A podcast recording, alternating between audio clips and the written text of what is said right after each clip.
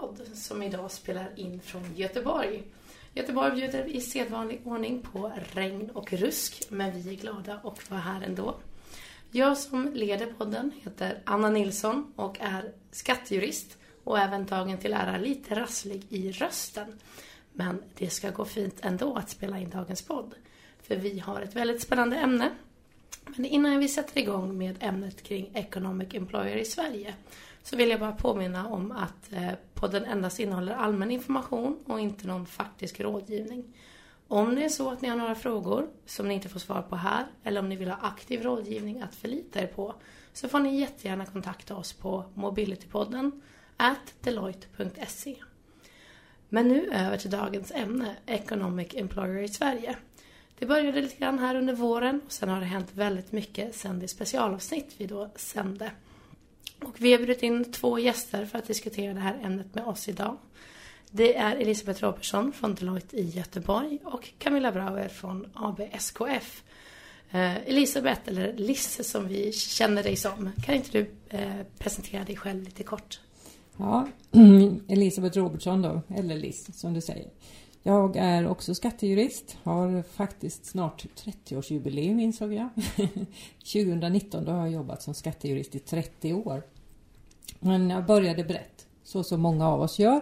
Och specialiseringen mot det här med mobilitet och, och global mobilitet kom i mitten på 90-talet, ungefär när Sverige gick med i EU.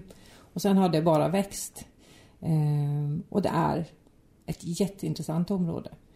Och det som har varit lite kul med att få jobba med ABSKF det var att eh, ni började introduktionen med att berätta hur ABSKF var globalt långt innan många andra var på kartan. Och eh, var det 1907? Vi, precis, vi bildades 1907 och eh, fanns på alla kontinenter 1911. Mm. Oj, imponerande. Mm.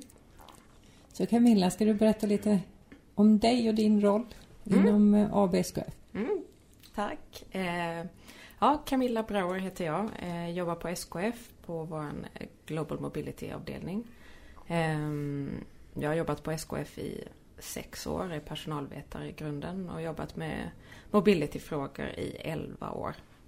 Eh, SKF är ju ett eh, svenskt bolag. Eh, eller vi har huvudkontoret i Sverige eh, och vi har ungefär 48 000 anställda över hela världen. Mm.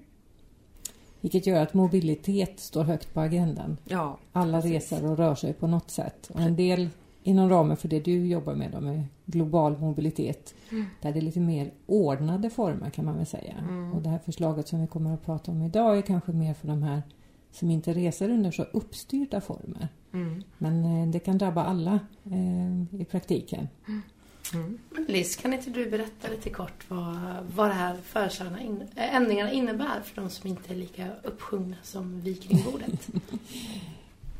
Jag säger ju att det handlar om att Sverige anpassar sig till hur många andra länder tillämpar skatteregler. Det vill säga man tittar mer på vem är den faktiska arbetsgivaren, den ekonomiska arbetsgivaren och inte den där man är anställd formellt genom ett anställningsavtal. Och, och, I praktiken så innebär det här att många, många fler kan få betala skatt i Sverige. Ehm, man anpassar sig så att säga till, jag tror att det i förslaget skrivs eh, att eh, Sverige är ett av få länder som tillämpar formellt arbetsgivarbegrepp. Och eh, det här förslaget innebär alltså att man går ifrån det. Och praktiskt kan det då innebära att kommer man hit, ska jobba ett tag, eh, det kan handla om så kort tid som bara några dagar, så blir man skattskyldig från första dagen. Man kan inte längre, man kan säga glöm 183 dagars regeln som ju alla gärna pratar om. Och lite så blir effekten. Man måste räkna på vad det kostar att ta hit personal redan från första dagen om man ses som ett så kallat uthyrningsfall. Och det gör ju många av dem vi eh, jobbar med. Mm. Att kostnaderna bärs av det svenska bolaget och eh, nyttan eh, tillfaller det svenska bolaget och då ska personen också skatta från dag ett i Sverige. Mm. Och det kommer att innebära en hel del praktiska problem. Det är ingen tvekan eh, för alla. Man kan säga de här nya reglerna. Det som är nuläget är ju att personer som kommer till Sverige och ska jobba här högst 183 dagar, det man kallar tillfälligt arbete, Kommer de för att jobba för en svensk arbetsgivare så måste de betala skatt från dag ett och det, då ansöker man om så kallad SINK som är en speciell skatt för utomlands bosatta. Men har de en utländsk arbetsgivare kan de komma och vara här 183 dagar utan att betala skatt i Sverige. De betalar ju i regel skatt i sitt hemland men vi pratar inte om den situationen. Nu pratar vi bara om vad som händer i Sverige. Med det här förslaget så kommer man alltså att betala skatt från dag ett om vissa förutsättningar är uppfyllda. Och det är att det ses som ett uthyrningsfall och den svenska arbetsgivaren, det mottagande bolaget så att säga, är en så kallad uppdragsgivare. Och vad innebär det då? Jo, men det innebär att det är de som har nyttan av arbetet. Det är de som leder och kontrollerar det arbete som den här personen ska göra. Så att det är ganska överskådligt vad som ska vara uppfyllt. Men det är en stor påverkan i den rent praktiska hanteringen. För då ska man alltså betala skatt från dag ett. Hur lyckas man med det? Det här utländska bolaget ska registreras. Hinner Skatteverket fixa det? Individen ska ansöka om en SINK. Eh, det ska ordnas med ett skattenummer, ett koordinationsnummer. Och vi vet idag att Skatteverket har långa handläggningstider så att eh, det är många aktörer som behöver få mycket på plats innan, innan det här blir verklighet. Och det är tacksamt ur den aspekten att förslaget faktiskt har skjutits upp. Och jag säger förslaget, det har varit ett förslag som kom redan sommaren 2017 men som den senaste ändringen från politiskt håll eller från Finansdepartementet var i augusti 2018 och då var tanken att det här skulle träda i kraft 1 januari 2019. Men nu är det uppskjutet. Vi vet inte när det här träder i kraft.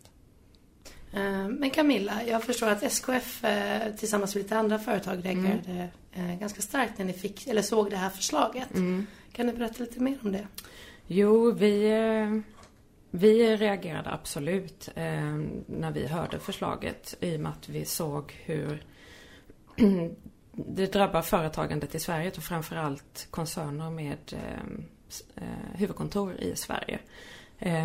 Så att vi Ehm, när, när jag förstod vidden av förslaget och kontaktade vår svenska eh, HR-direktör och vår eh, svenska VD eh, så eh, förstod de också allvaret direkt och att vi var tvungna att agera, att göra någonting. Eh, vi, hade ju in, vi var ju inte tillfrågade när den här remissrundan var ute eh, utan vi eh, upptäckte ju detta lite sent. Ehm, men eh, tillsammans med andra svenska koncerner så gjorde vi en skrivelse till Finansdepartementet. Eh, och där vi försökte göra dem uppmärksamma på de problem, ja, problem vi ser. Mm. Eh, och hur detta skulle negativt påverka Sverige. Kan du sammanfatta de problem, eh, mm. de problem ni primärt ser? Ja, ehm, vi ser ju att ehm, vi, till exempel, det finns många problem, men till exempel så på grund av transfer pricing-regler så tar vi ju kostnaden för väldigt många personer som sitter i olika delar av världen här på, på Group. Ehm, och då, eller på koncernnivå tar vi kostnaden för dem. Och då ehm, innebär det eh, enligt dem i, i lagförslaget så innebär det att reglerna, eller att som man skulle tillämpa dem som arbetet styrs eller betalas ifrån Sverige så skulle de personerna vara skattskyldiga från första eller femte dagen. Det har ju sett lite olika ut. Ehm, och det innebär att vi skulle ha, vi visste ju direkt att vi har över 2000 personer som kanske skulle upprätt, behöva upprätta deklaration mm. och betala här i Sverige. Um, för, under, ja, utan att nästan vistas här alls. Mm. Mm. Ja, för det som du säger, från början var ju förslaget att det skulle vara efter fem dagar. Mm. Sen tog man bort det. Eh, för det här förslaget kom förra sommaren från där Skatteverket hade utformat förslaget kan man säga från början. Mm. Och sen i samband med lagrådsremissen så togs det bort. Mm. Och eh, ni har sedan jobbat vidare för att få, få till stånd en ändring där. Mm. Eh, det som jag tycker är lite intressant det är ju hur kunde ni identifiera dem? För det är ju någonting som många bolag kämpar med. Att hur mm. identifierar man den här kretsen mm. så att mm. säga som kan drabbas av reglerna? Eh, och det har ni ändå lyckats med hos er. Att mm. på ett... Jo men de är, för oss är just de personerna är väldigt lätt identifierade i och med att vi har ju en eh, vidarefakturering av kostnader för dem. Ehm, så att de är lätta. Sen har vi ju personer som kommer hit. Vi driver ju mycket projekt från Sverige. Eh, från huvudkontoret. Eh, och folk samlas här och det finns inget eh, snack om saken om att den nyttan skulle tillfalla Sverige. Bland annat. Ehm, så att de här 2000 personerna är ju bara en, en litet skrap på ytan skulle jag vilja säga. Mm. Ehm, så att Ehm, så att det är ju ett negativt ur för oss att vi har, vi skulle behöva upprätta oerhört mycket deklarationer att hjälpa våra anställda med.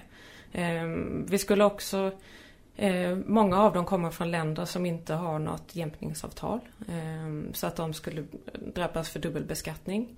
Ehm, vi är också bakbundna i att vi kan inte hjälpa dem ekonomiskt. Vissa av dem sitter på positioner Eh, som aktiebolagslagen säger att vi får inte lov att, på grund av låneregler.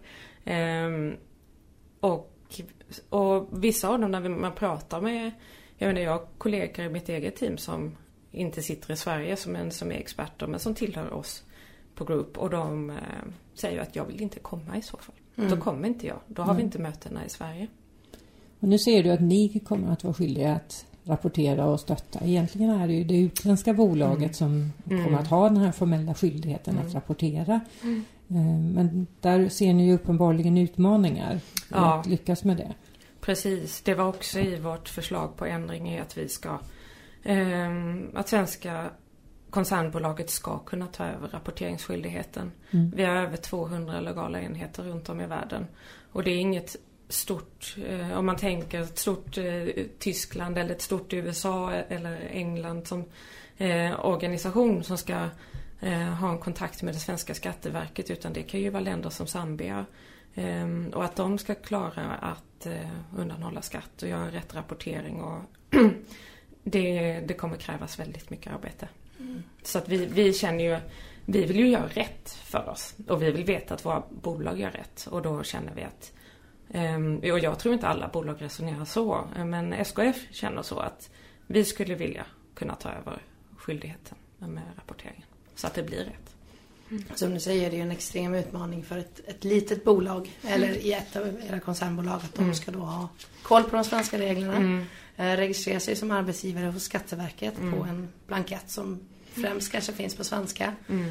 Um, och helt enkelt sköta den rapporteringen är extremt stor mm. börda för, för bolaget som, som dina kollegor har sagt, då kommer jag inte. Nej. Det är väl kanske det man ser som en, som en, eller jag kan se som en risk med den här mm. eh, införandet av de här reglerna. Mm. Att det blir för, för komplicerat. Då mm. kanske man förlägger mötena någon annanstans istället.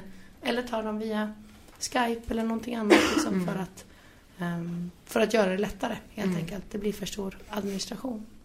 Precis, det kommer, också, det kommer ju definitivt påverka resandet till Sverige.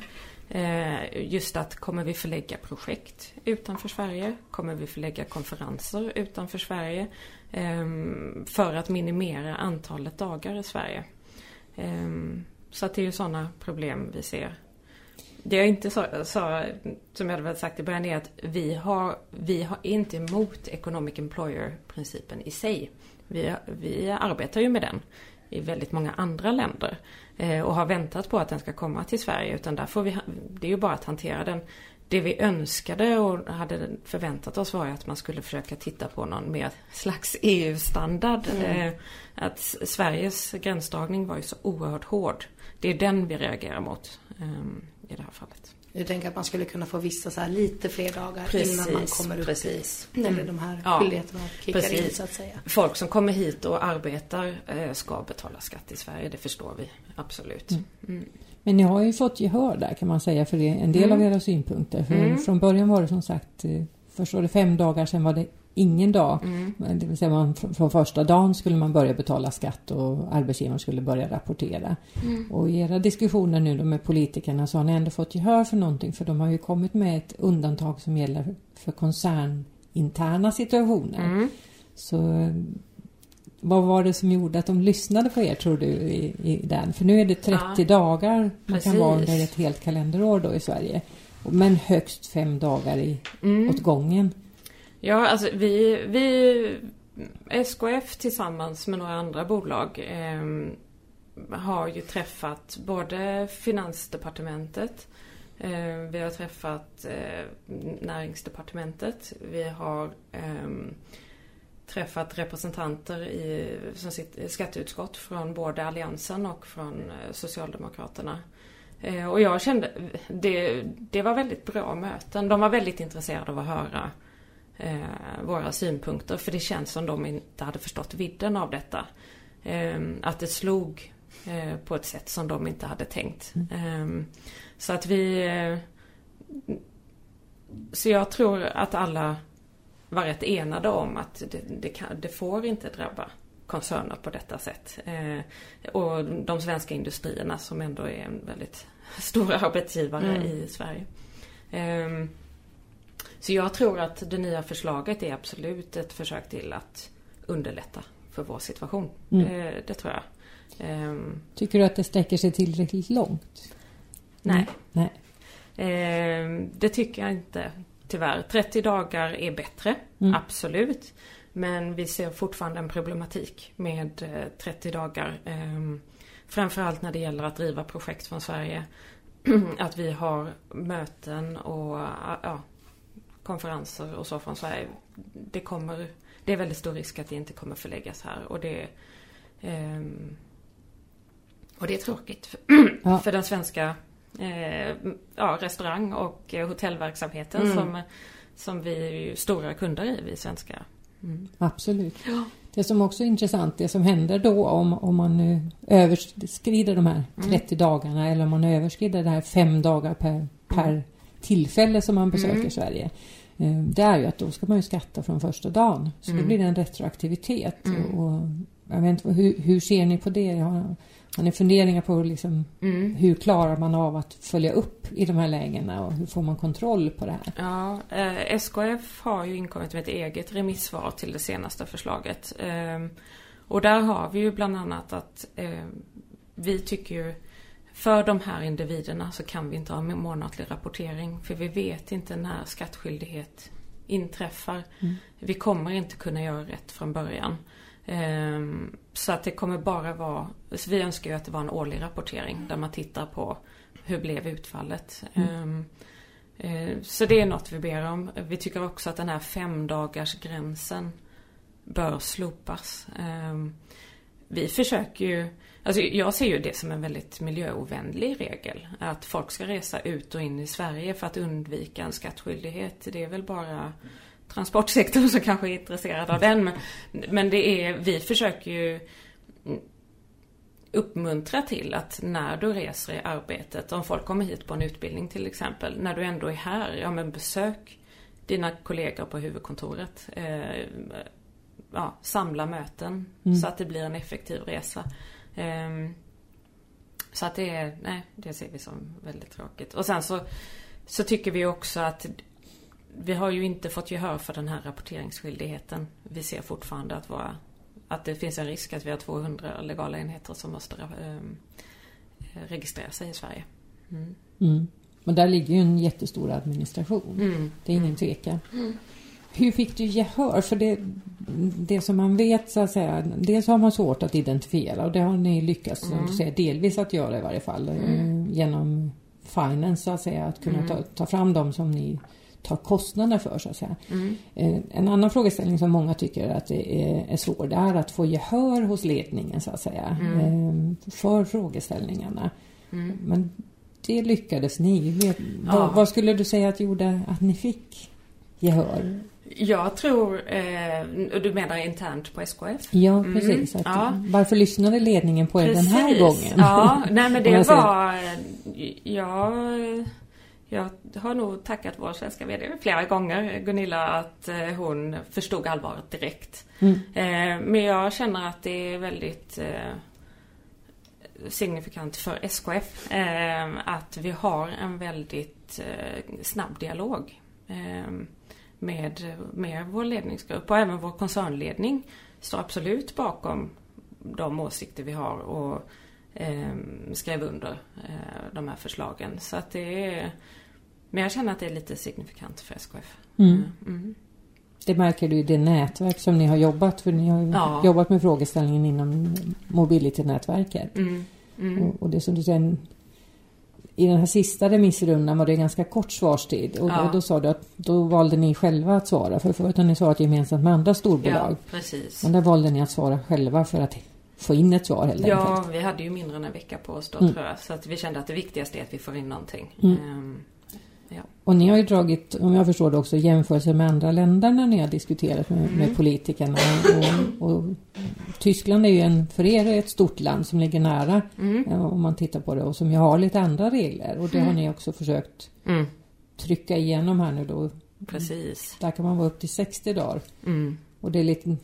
Eller någon- 90 dagar till och med. 90 dagar kanske Ja, det var till och med ja. för Tyskland. Men det, det är lite någonstans där än som ni skulle tycka att kunde vara en rimlighet. då. Precis. Eh, Det vi ser i andra länder är ju 90 dagar eller 60 dagar. Mm. Och det är det vi önskar att Sverige hade tittat på. Ja. Ehm, Helt klart. För det hade varit en jättestor skillnad. Jag förstår att de kanske eh, Fokus har inte varit att jaga våra medarbetare, förstår jag, när jag har pratat med de olika politikerna eh, och departementen. Utan det är ju folk som kommer hit och missbrukar 183-dagarsregeln helt enkelt. Eh, eller missbrukar, den är ju vad den är utan att utnyttja den. Men, ehm, och att vi vill att folk som kommer hit ska betala skatt i Sverige. Men jag tänker att det måste finnas en också någon slags break-even punkt för när det bara uppstår en kostnad för oss på bolagen eh, och för individerna och för Skatteverket. Att när börjar Sverige tjäna pengar på de här individerna? Så att därför tycker jag att det finns ingen vits med en för låg eh, gränsdragning där. Nej. Det handlar om mycket administration Mm. som du säger. Från er sida men också för myndigheten. För det har också varit en dialog ni Mm. har haft med, med företrädare för Skatteverket. Att Mm. eh, ja, hinner de med att förbereda sig och så vidare. Och Precis. nu verkar det ju som nu har vi ju fått beskedet att förslaget skjuts upp. Mm. Eh, det kom häromveckan. Vilket för, troligen bottnar i att eh, Skatteverket också har indikerat att de hinner inte Mm. få det här på plats. Eh, för där har det ju varit ett antal utmaningar i att det tar så lång tid att få skatteregistreringsnummer eller skattekoordinationsnummer. Eh, att få SINK-beslut som ju är en, den skatten som de flesta kommer att betala då. Ifall de här reglerna, eller när, jag säger inte ifall längre, jag säger när de här reglerna kommer att träda i kraft. För det, det är bara en tidsfråga i min, i min värld Mm. att det här kommer. Om det sen blir första januari 2020 eller om det blir tidigare, Mm. det får vi ju se då. Mm. Och du, du var inne på en annan sak, att den här månatliga rapporteringen, för det var ju från början skulle ju det här ikraftträdandet sammanfalla med när man ska börja göra en månatlig rapportering på individnivå Mm. som arbetsgivare. Så det kommer att kräva oerhört mycket information Mm. som ska vara så korrekt. Och som Anna säger att eh, det ja, Skatteverket är ju duktiga delvis på att vara internationella men eh, ganska mycket av att söka information sker ju fortfarande på svenska. Mm. Och kontakterna också med myndigheterna är inte alltid det lättaste att- få att fungera på engelska. Mm. Så att, eh, men ni hade inom nätverksträffen träffat en företrädare för Skatteverket ganska nyligen. Mm. Och då... Ja, vi kunde väl ana en önskan om att det blir först januari 2020. Mm, Vi, vi får väl, eh, men vi får se. Det, det jag kan önska att oavsett när det träder i kraft är att vi får god tid på oss att förbereda. Ehm, för det är väldigt svårt att förhålla sig i, till det innan vi vet hur regelverket ser ut. mm, Ehm, det vi visste då i, ja, juni när vi hade många av de här flesta, flesta mötena. Det var att vi sa att vi kommer inte om det nu skulle bli, blivit januari ehm, 19. Ehm, att vi hinner inte. Då var vi beredda att säga att då stoppar vi allt resande till Sverige under tills vi mannade att, att lösa det här. mm. Ehm, vilket ju skulle ju påverka framförallt i vårt fall Göteborg väldigt kraftigt. I Göteborgsregionen. Mm. Men, men på det temat lite grann att det är svårt att förbereda sig exakt innan man vet hur reglerna kommer att se ut. Mm. Hur förbereder ni er i dagsläget? Vad, vad gör ni? Precis. Nu tittar vi på hur vi ska få ut informationen ut i världen. Och, vi, och även informationen ut i den svenska organisationen.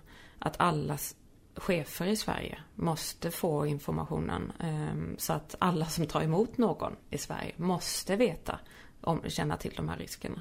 Så att det är så vi tänker just nu.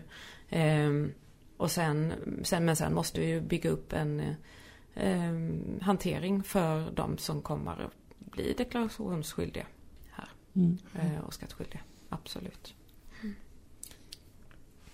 Det, det, är ju mycket där, det, ursäkta, det är mycket det det handlar om rent praktiskt. Att eh, säkerställa, liksom, att identifiera vilka är berörda, mm. vilka ska ta ansvaret för det. Mm. kommunikation är en stor del i det här för, mm. för att nå, nå, fram.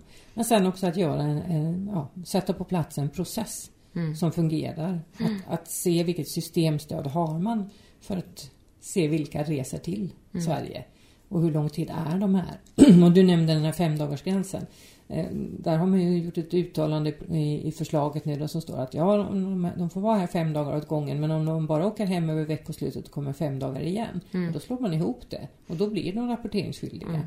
Så det, det, kräver ju ganska mycket kunskap ute i organisationen att hur ska man då förlägga projektmöten till mm. exempel för att undvika eh, skatt från dag ett för projekt arbetet i sig kanske inte behöver uppgå till 30 dagar. Precis. Men så ska de, som du säger, enligt era interna riktlinjer försöka vara effektiva och mm. göra mycket av jobbet på en och samma gång. Mm. Eller åka hem då. Ja, mm. då ska de inte åka hem. Mm. Utan då ska de fördela och kanske ta varannan vecka i Sverige Precis. för att uppfylla de här reglerna. Mm. Vi har ju gjort en survey och det är rätt intressant att, att, att se um, resultatet på den för att det var 40 procent tror jag som säger, alla ser det här som en frågeställning. Mm. Eh, men det är 40 procent som säger att man saknar liksom stöd för det här, alltså systemstöd eller liksom processer mm. för att hantera det. Och ändå är det ungefär var fjärde person reser mer, minst en dag i veckan. Mm. Så mycket vet man. Mm. Och jag menar, då, då är man ju i den här mm. zonen som vi pratar om här. Så att eh, men det är svårt att sätta processer på plats. Det är svårt för det är så landspecifikt eh, de här, det här resandet. Mm. Det är, att skicka någon på long term assignment det är ju, det är ju enkelt i jämförelse även om det självklart också kräver väldigt mycket handpåläggning så, så är det ju en mycket renare form av resande. Så att eh, ja, nej, vara tjänsteresenär är en utmaning och mm. det blir bara svårare och svårare med tanke på regler, ja, att regelverken tuffas till i, i alla länder. Mm. Mm. Det, det, är en hel del administration som ska komma på plats helt mm. enkelt innan de här reglerna, mm. eller förhoppningsvis innan de här reglerna träder i kraft så att man är redo att möta dem mm. när de kommer. Mm. Som du är inne på Camilla, det, det här är Sverige. Eh, sen har andra länder motsvarande regler som skiljer sig åt lite grann bara. Så det är mycket man behöver, behöver tänka på som bolag. Och just det här med processerna är väl kanske den största, eh, största pucken eh, mm. för bolag. Um, något vi jobbar väldigt mycket på Deloitte med att hjälpa bolag med. Mm. Att hur gör man det här? Eh, Vår avdelning för, för TMC som vi kallar dem. Eh, som är ju specialister på att hjälpa bolag med att sätta processer. Har mycket att göra just nu kring, kring de här frågorna för att de är så aktuella. Mm. Att få det på plats. Mm, ja, det är kopplat också till den förändringen med månatlig rapportering. Sen är det ju det är inte bara skatt. Alltså det, det handlar om skatt, socialförsäkring, migration.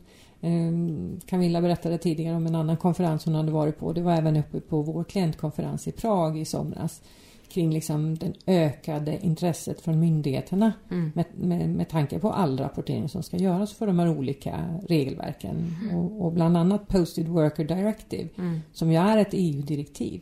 Men där är ju samma sak, att då har länderna också haft möjlighet att sätta olika tidsgränser för mm. när man ska rapportera. Så det finns, trots att det finns ett direktiv som är då gemensamt för EU i botten, så har man ändå olika tillämpning av det i praktiken. Mm. Istället för att man kanske skulle kunna sätta, ja men du har 30 dagar eller 60 dagar eller vad det handlar om. Sen ska du börja rapportera för alla de här regelverken. Mm. Nu har man många regelverk och olika tidsgränser det är oerhört komplext. Mm. Så. Mm. Men mycket handlar om att sätta på plats, som sagt, eh, processer, mm. identifiera vem som ska ha ansvaret. Och där var det intressant att höra liksom, att ni har, har så nära till ledningen att mm. de tar till sig det här. För det är mycket en stor utmaning för många organisationer. Mm. Mm. Att få ledningens intresse och förståelse för det, för det kommer att kosta pengar. Mm. Men det kommer att kosta oerhört mycket pengar också om man råkar ut för en audit och inte har det här på plats. Precis. Och det var det du nämnde lite grann också från att du hade fått input nu på att eh, andra hade råkat ut för böter på Mm. Posted Worker-direktivet. Så det, det ligger rätt i tiden att jobba Mm. med frågeställningarna. Det är ingen Mm. tvekan. Nej, alltså tjänsteresenärer förr kan jag tänka mig var mer en praktisk hantering. Hur får vi tag i billiga flygbiljetter och hotellavtal? Medan idag är det ju mer en compliance-fråga. Mm, Eh, absolut, med migration och skatt och socialförsäkring. precis. Och där är alltid frågan när man ska jobba med de här frågeställningarna. Då handlar det mycket om att göra det ni i praktiken har gjort nu. En nulägesanalys så att säga. Mm. Och, och vilka risker har vi? Och utifrån det bedöma vad är vi villiga att leva med och vad behöver vi åtgärda så att Mm. säga. Mm. Eh, Så det är att hela tiden, eh, ja det är inte one size fits all, utan man måste utifrån sin egen organisation bedöma vad är väsentligt för oss att Mm. jobba med eh, inom ramen för de, ja, de här regelverken Precis. som inte bara ett. Då. Tack så jättemycket Camilla och Liz att ni kom hit och delade era tankar kring Economic Employer i Sverige. Vi avrundar podden från Göteborg och blickar framåt. Ehm, I nästa avsnitt av podden kommer vi att träffa Johan Mikaelsson, Deloittes egen rockstjärna på arbetsrätt. Vad behöver man tänka på rent arbetsrättsligt när man skickar ut eller tar emot personal i Sverige? Hur fungerar det med LAS? Hur gäller kollektivavtalet? Alla de bitarna diskuterar vi med Johan i nästa avsnitt. Tack så mycket för idag.